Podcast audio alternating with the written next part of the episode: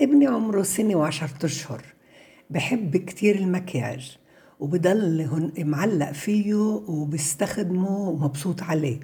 وأنا بعرف إنه هذا فضول مؤقت بس جوزي بتضايق وبرفض وبقول له هاد للبنات. كيف أتصرف؟ الطفل بيكتسب كل أنواع السلوك واللغة عن طريق التقليد. فلازم يعرف الأبو إنه هو قاعد بقلد.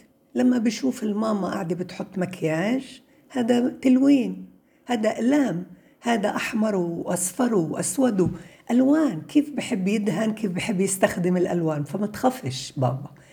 الآن إذا أنت حابب إنه يوقف هاي العادة هاي صارت عادة صار يحب بروح بركض وبستخدم المكياج.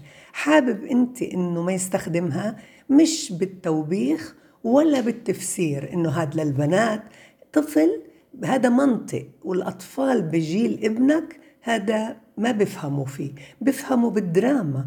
يا يا يا تعال نشوف غير صوتك اعمل هيك حركة معينة خليه يحس إنه انتبه لك وخليه يتبعك يركض وراك.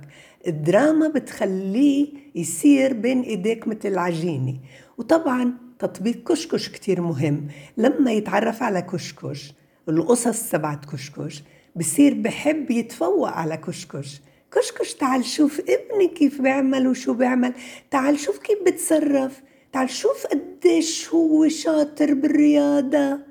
شوف اسمع صوته. يمكن صار بيعرف كمان الناحية العاطفية يسرد يغني يعزف يمكن. يدربك يمكن وممكن كمان بحب يركب ألعاب. كل أنواع الإثارة توفر له إياها من ناحية عقلية عاطفية وجسمانية. وجسمانية أهم لأنه بفرغ بنفس. هاي إذا بدكش إنه يلتهي بالمكياج بتوفر له بيئة مثيرة بنسى المكياج. بنسى هاد بس بتوفر له كمان بيئة مثيرة بالدهان بالألعاب.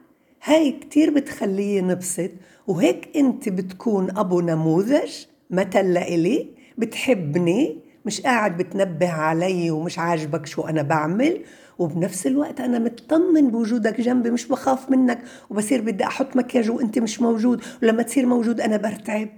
وللماما بقولها إذا كأنك مش حابة إنه يميل لهذه الفعالية لما بدك تحطي مكياج فوت على الحمام لحالك بدون ما يشوف حتى شوي شوي تتلاشى وينسى ويصير يحب الدهان يصير يحب التلوين ويصير يحب كمان الأنشطة الحركية الأنشطة مثيرة لإله لعاطفته ولعقله وهيك أنت بتكونوا. أول شيء القصة تاني شيء أنتوا ربيتونا على أنكم بتحبوني أنا عايش بأمان معكم وأنتوا نموذج عرفتوا كيف تربوني.